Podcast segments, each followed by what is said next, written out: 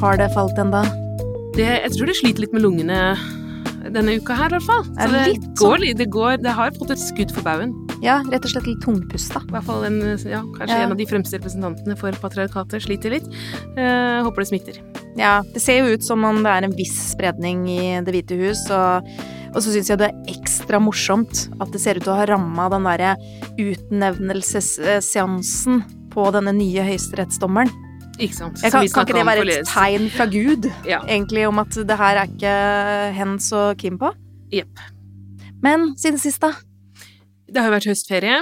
Det har det. Det har vært Eh, deilig. Det var deilig. Det var jo deg og meg, det. Det var oss. På Torpet. På- for første gang for min del på et år, så det var ganske fabelaktig. Eh, I Värmland. Eh, vi, jo, vi fant jo litt sopp, det var jo en av planene våre, men bare nok til to middager. Det var bare nok til to middager, og egentlig sånn i vår bok så er jo det ganske skuffende. Ja, for vi pleier Ja. å finne nok til et helt år Ja, i fryseren. Nå var det jo heldigvis såpass soppår i fjor at jeg tror jeg fortsatt har uh, tørka sopp for et år til. Mm. Heldigvis. Ja. Så, ellers hadde men du ikke ellers overlevd. Nei, hva skulle vi ha gjort? Nei. Men det var det ene. Vi Ja. noen andre prosjekter på gang òg. Ja, jeg brukte det meste av ferien på å bygge meg et eget rom, eh, som det så fint heter. Altså, etter at jeg leste denne Virginia Woolf-boka, så er jeg liksom helt sånn desp etter å få meg et helt eget rom. Det er derfor jeg kjøpte det torpet i utgangspunktet. Men der er jo liksom alle andre òg, familie og venner. Jeg tenker nå skal du ha et eget rom utenfor det egne rommet. Ja. Så jeg bygde Jeg tenkte liksom hvor vanskelig kan det være å bygge et lite hus? Eh, og vi hadde jo masse sånn gammel materiale i låven og gamle vinduer og ting, så eh, begynte da på første dagen i høstferien å bygge et lite hus i hagen. Eh, Mens jeg sto fascinert og så ved siden av. mm, du sto og så på og klødde deg i skjegg og lo litt. Nei, Jeg var rett og slett ganske imponert. Ja, det jeg kom- jo Det er jo et fantastisk stort prosjekt. Mm. Men det gikk jo litt fra liksom at vi kalte det for et hus, til at det ble til et kunstprosjekt. Ja, vi kalte det, det Ja, skifta Ja. betegnelse til kunstprosjekt, fordi det er liksom Ja, Men det har jo blitt veldig sjarmerende. Og det har jo- jo blitt et eget rom. det blir et Og det eget rom. hadde rom og vinduer og tak og til og med en liten bardisk. Ja, Ja, selvfølgelig. Når det var ferdig. Så jeg ser jo for meg at dette her liksom er et utgangspunkt for noe som kan bli ganske nydelig. Det blir nydelig. Ja, men tenk om de andre har lyst til å dele, da. Ja, det var, det var tabben med sånn bardisk, egentlig. Da kom blir liksom Men nei da, det er, det er greit å dele. Jeg kan bygge et nytt hus. Ja, enda et. Men du sa at du hadde noen positive nyheter. Ja, jeg driver og samler på det, for det blir jo liksom mye eh, kritikk eh, i en feministisk podkast eh, av eh, åpenbare grunner. Eh, så av positive ting, da, som den siste uka, Mm. det der med at disse homofile Proud Boysa kuppa den der eh, nazi-hashtagen. Det er så strålende. Det, Det- heier jeg så mye på. Jeg har ledd så mye. Og de blir sure, sånn skikkelig sånn sure, liksom, de der eh, naziene. Det, er- det syns jeg var en god, eh, god god greie. Um, en annen ting som var positivt, var jo at altså, køkulturen i Norge, som alltid har vært litt sånn så som så, har blitt veldig mye bedre da, med koronaen, ikke sant. For vanligvis så står jo folk og pruster deg i nakken og presser seg forbi og sniker og holder på. Mm. Nå er liksom alle holder faktisk avstand, oppfører seg ordentlig Og i se på hvem som faktisk står foran deg i køen. Ja. Ja. Ja. Det, det hadde vi veldig godt av å øve oss på. Det, Ja. det var positivt. Så var det en annen ting som jeg tenkte, å, dette er positivt, eh, for eh, plutselig så sto det på alle nettavisene, hele Europa har rødt. Og så jeg tenkte, bare yes! Eh, Bjørnar Moxnes eh, og Audun Lysbakken, liksom, jeg så for meg at nå fikk de dreisen på det da. Endelig. Yes. Men det var jo ikke det som var nyheten, så det var, det var jo ikke noe positivt. Men det er sikkert en overskrift de egentlig kan bruke til noe. De, kan, jo, de kan jo gjøre litt sånn som de gjorde med Proud Boys, da. Mm. Å ta over den Ja, hele ja. Europa rødt. Ja, Det er jo sant? egentlig, for man snakker om Stjel rød hashtagen. land overalt, så, så stjel den hashtagen, ja. Mm. Men eh, jeg har også lagt merke til noe som er litt positivt, noe som jeg blir veldig glad av. For jeg følger jo en del med på nyheter, og på spesielt Urix og den slags eh, programmer. Og det slår meg nå. Og spesielt fordi at jeg driver og også har sett på en dokumentar om den kalde krigen, av alle ting. Eh, og det viser jo til hvordan det var i gamle dager. Men nå det er da vitterlig mye flere kvinner som eh, kommenterer og er eh, skikkelig sånn kunnskapsrike damer, ekspertkommentator, Mm. innenfor eh, alle mulige slags politikk og Utenriks og den ja. typen, og sport, og det som tidligere var mannsdominerte Ja. felt. Og det var også veldig morsomt, for når jeg så den der kalde krigen-dokumentaren, så skjønte jeg jo at Før så var jo alle menn også faktisk sånne, sånne værpresentatører. Den har jo kvinnene kuppa for lengst. Ja, men, Ja, men, men i hvert fall så nå på ekspertsida. Mm, mye Det har jeg også sett, det er veldig positivt. Jeg har også sett det på scenen.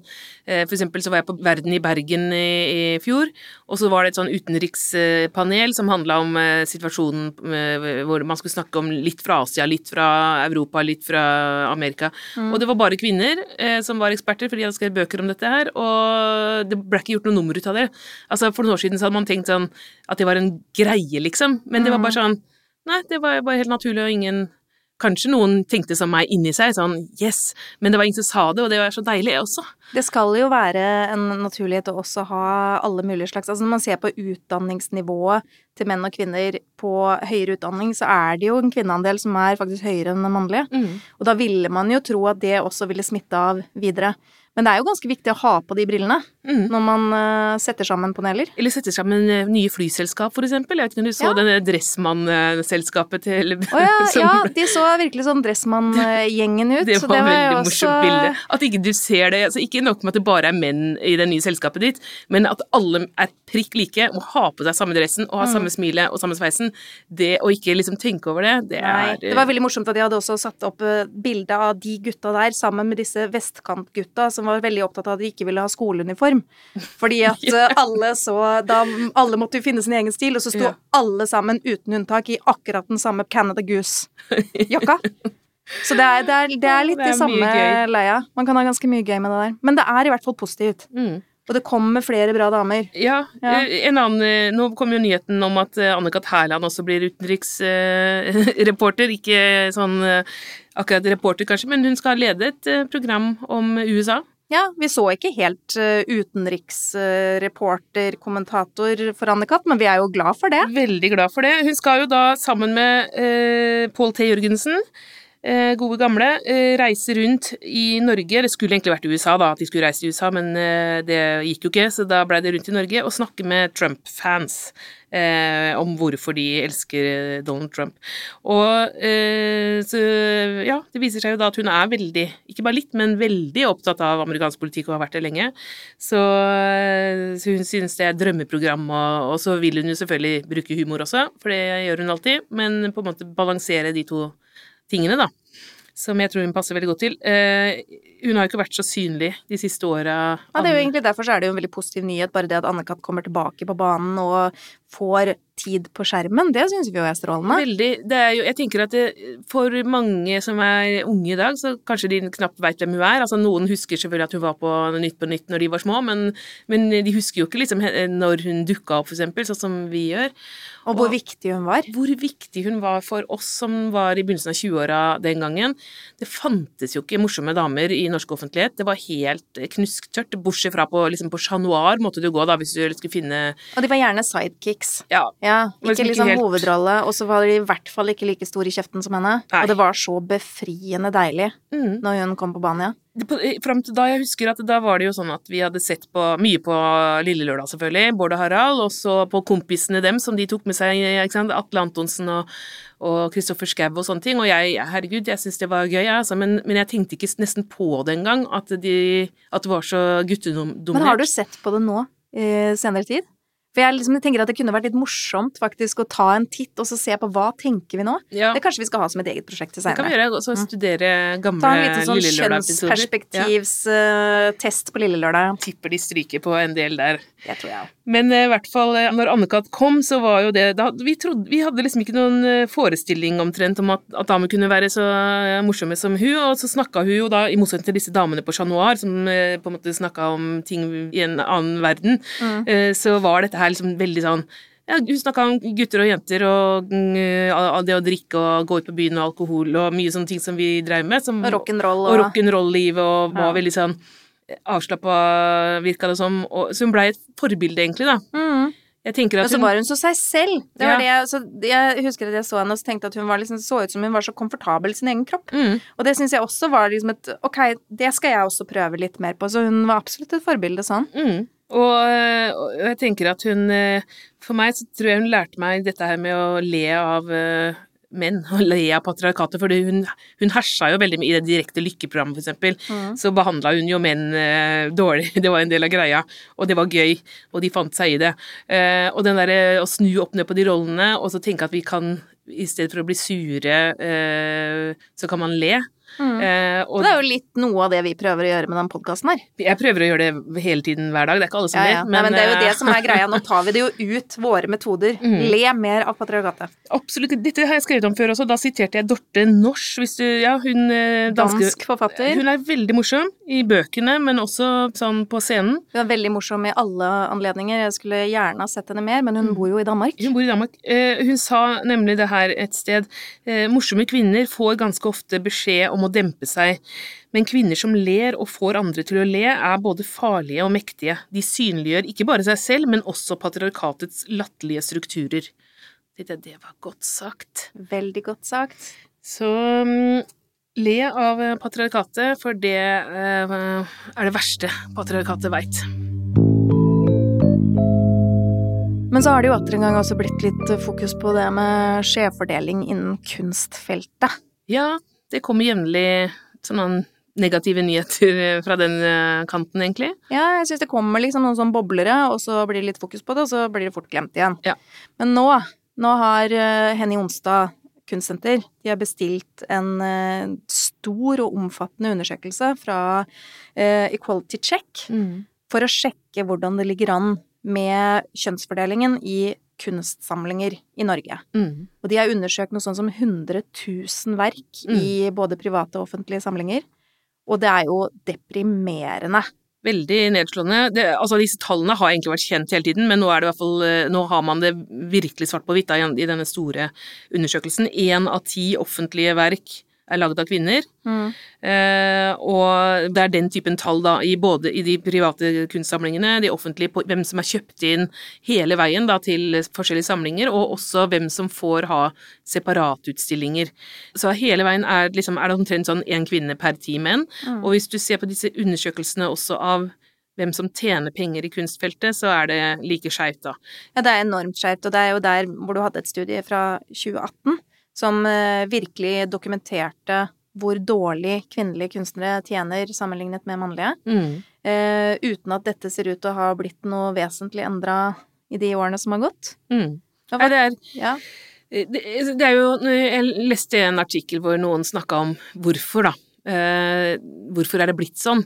Og det er mange forskjellige forklaringsmodeller, selvfølgelig, men det, historisk sett så var det jo færre kvinnelige kunstnere. Eh, Mm. hvis man går eh, 50-100 år tilbake i tid, så, så var det mye færre kvinnelige kunstnere, for de hadde jo ikke de mulighetene. 100 år tilbake i tid slapp de ikke engang inn på kunstskolene.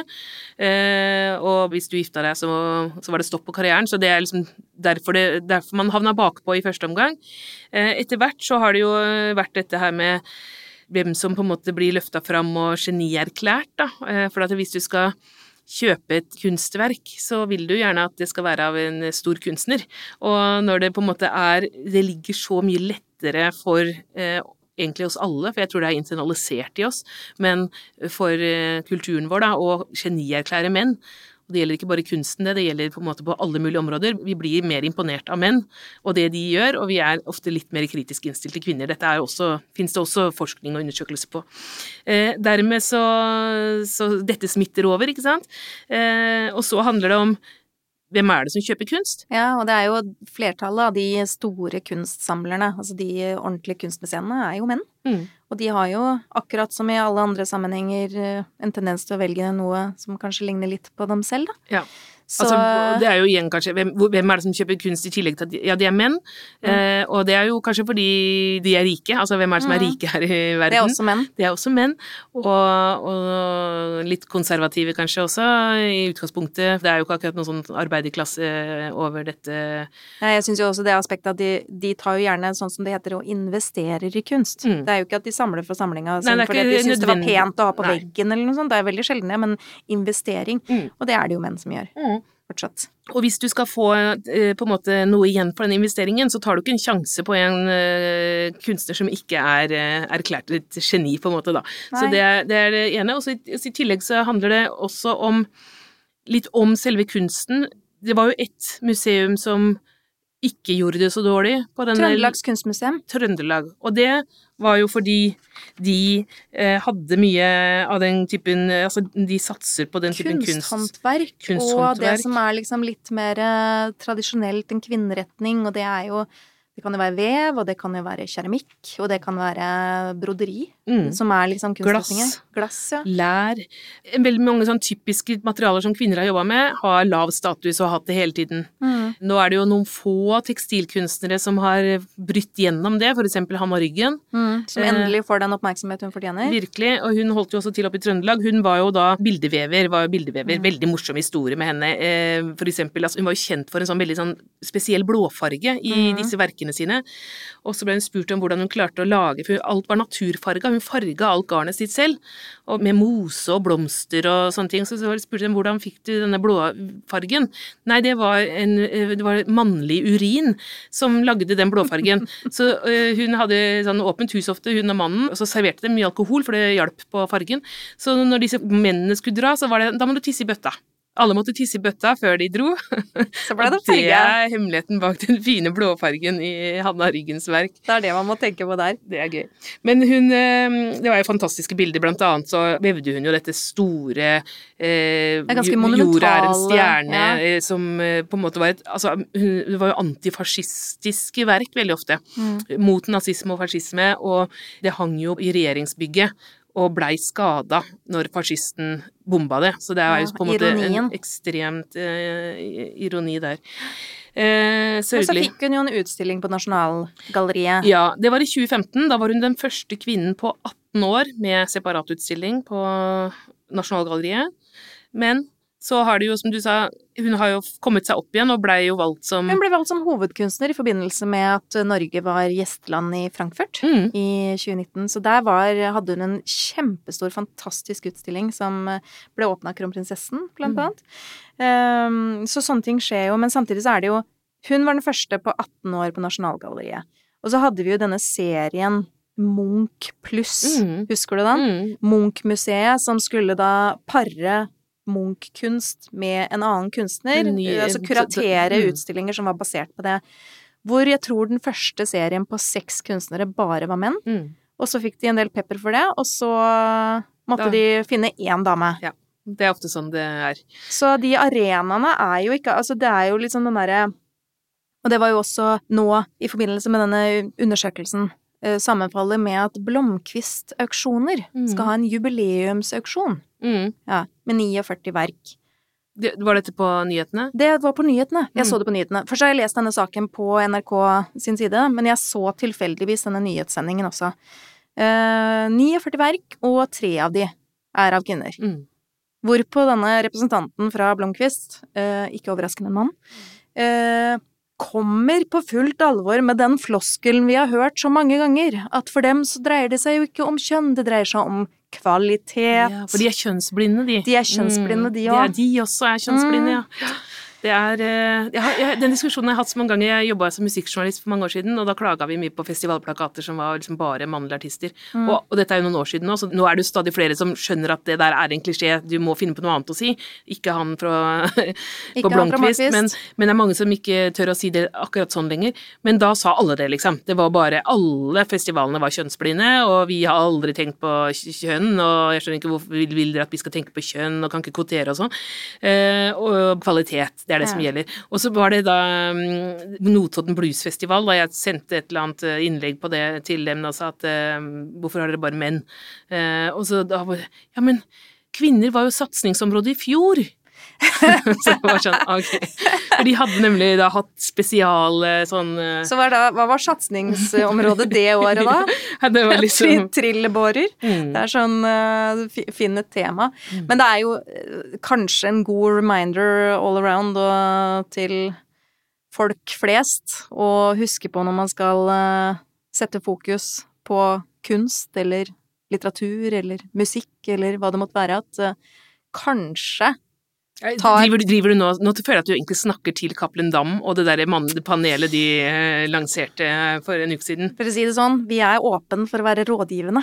Ja. det- vi- Så, vi, vi- men jeg tror, ja. tror meldinga ble tatt. Den ble Mm. tatt, ja. Det Mm. var uh... Så eh, la oss bare si det sånn. Du fikk, fikk du med den derre debatten om eh, penisstørrelse i reality-miljøet. Altså, nå har vi vel allerede for lengst konkludert at det er du som har mest peiling på reality-TV. Ja, så jeg har Men jeg ikke ser helt det. på, jeg ser ikke på sånn eh, Dette er hva jeg snakka om Ex on the Beach, det ser jeg ikke på. Jeg ser på sånn kvalitetsreality som eh, campingliv og eh, matprogrammer og sånn. Du er en Ja. sånn sann inspirasjon. Og Ullared. Og, og, ja, og så skal vi danse. Og Skal vi danse men, Ja. det Ja. Men det gjør jo alle. Det gjør jo alle. Ja. Eh, Men dette var altså en eh, debatt da, som jeg fikk med meg i nyhetene fra Ex on the Beach-miljøet. Det var Isabel og Sandra som eh, hadde sittet på en reality-pod. Den har sikkert flere lyttere enn vår, vil jeg tippe. Sannsynligvis. Ja. Og, og så hadde de da kritisert penisstørrelsen til denne eh, Pierre Louise, da. Liksom vitsa om det, da. Uh, Og da regner jeg med at de begge to er eksene hans, eller Nei, hvordan er er forholdene samme- her? er samme eller har de bare ligget med ham? Jeg vet ikke, og samme, Nei. samme det. Poenget er nemlig ikke det. Poenget er at han selvfølgelig blei sur. Uh, Det er jo Mm. veldig ufint å drive og snakke om eh, andres kropper på den måten. Det er vi enige om. Det er vi enige om. Eh, og så var det liksom Jeg er helt enig i alt det han sa også. Han sa sånn at hadde det vært motsatt, hadde det liksom vært to menn eh, som satt og kritiserte kroppen til en dame, så hadde folk reagert sterkere, men det er liksom litt mer sånn ha-ha, eh, artighet. Man kan liksom le mer om, av menn, men det er jo eh, helt feil. Så jeg, så jeg var veldig med på det hele tiden, da, bortsett fra at han liksom Altså, han fikk jo mye spalteplass på det her, så det blei veldig mye sånn øh, Han snakka så mye om dette kroppspresset som det kunne skape, ikke sant? Og, Ja, stakkars fyr, alt han er underlagt. ja, men altså, det var mye sånn, altså, unge mennesker i dag kan lide under dette kroppspresset som disse jentene skapte ved å snakke om størrelse på penis, var på en måte hovedpoenget hans, som han sa mange steder. Og for så vidt enig, men så bare tenker man, hallo, eh, Pierre eh, Louise, liksom, når ble du plutselig så veldig opptatt av kroppspress? Du har vært med i en TV-serie hvor du går eh, halvnaken rundt med den derre ekstremt pumpa overkroppen din sammen med masse eh, Andre bikinirom halvnakne damer. halvnakne Og menn. og alle er sånn eh, veldig, veldig veltrente og spretne, og så er det et ungdomsprogram, og de bare kler av seg hele tiden, og så hvor kom dette bekymringen for å spre kroppspress eh, inn? Det var det jeg liksom tenkte på. Mm. Så jeg føler at jeg ønsker ham velkommen på debattarenaen mot kroppspress og gjerne andre feminisme. Han kan godt bli feminist òg, for min del, men liksom bare være litt mer konsistent i litt, liv og litt mer helhetlig Ja. bilde, Ja. og vær fornøyd med den kroppen du har. Ja.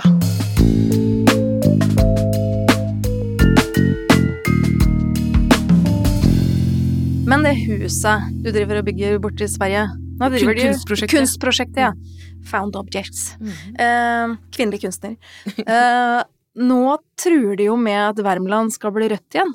Og da snakker vi ikke politisk. Nei, det var vel dårlig nyhet. eh, For hvis Altså, jeg har jo ikke lagd ferdig taket helt. Nei. Og det blir jo krise hvis ikke jeg får dratt og fullført det. Ja. Så denne historien må jo etter hvert få en eh, forløsning. Vi må jo få et svar på hvordan det går med huset. Ja. Men tilbake i Sverige så skjer det jo Du har noen tips derfra? Ja, fordi jeg følger jo med på svenske har Mm. ikke, det, det stopper der, da, men eh, jeg har ikke tid til å følge med på liksom, Aftonbladet og Ekspressen og sånn. Men i damebladene så er det masse notiser om hva som skjer De er på veldig flinke til det, syns jeg. Ja, det er så bra. mye bra, og, og ikke bare i Historiskan, men også faktisk i helt sånne normale dameblader. Ja, og der har jeg plukka opp blant annet det at eh, en svensk heltinne heter Katarina Wenstam kommer med en ny pod. Den tror jeg har premiere denne uka her. Eh, hun er en svensk forfatter som har skrevet eh, en del krimbøker blant annet, men også en del eh, sakprosa om temaer som voldtekt og skam og skyld og den typen. Hun er egentlig en sånn svensk versjon av Anne Bitz, eh, Heidi Helene Sveen, Maria Kjos Fond, hvis dere skjønner. Mhm. Den tematikken der er hun jævlig god på. Og skrevet en bok som heter Flikkan og skammen, som jeg har lest. Eh, premiere nå i oktober, og den heter eh, Katarinas vrede, tror jeg. Nei, Venstams vrede. Venstams vrede. Ja. Ja. Eh, et tips til, eh, noe som jeg ikke har lest, eh, for den kommer nå i oktober, men Sara Danius, som dessverre gikk bort i fjor, var leder i Svenske Akademien, Og en stor feminist. feminist og hovedperson i skandalen vi har om, omhandlet Ja. tidligere. Hun eh, jobba med to prosjekter når, det, når hun døde. For det gikk jo så fort. Eh, og de ble ikke ferdig helt, men eh, denne boka samler de to. Og eh, den heter Sidenkatedralen, Mm. du som snakker svensk. Sidenkatedralen. Ja. Ok, det heter den. Ja. Eh, og den eh, har jeg de, Ja, jeg har bare fra forlaget, da, så jeg vet jo ikke, men det er ikke sånn halvferdig greier. Det er ferdig Men det bra. kommet ganske langt ja. med prosjektene, og, og det blir jo liksom De har behandlet det med varsomhet. Vars- Så, så det er jo To absolutt tips fra Sverige. To tips fra Sverige. Så får vi bare krysse fingrene for at uh, Värmland holder seg litt mer i skinnet. Så vi kan uh, Så du kan få eget rom. laget ferdig ditt eget uh, kunstverksrom. Husk at dere kan finne oss på Facebook, dere finner oss på Instagram, og dere kan også sende oss en e-post på patriarkatefaller at gmail.com. Du har hørt podkasten Patriarkatet faller av og med Marta Breen og Anette Garpestad. Teknikk og musikk ved Margarita Krimici. Og utgiver er Cappelen Dam Forlag.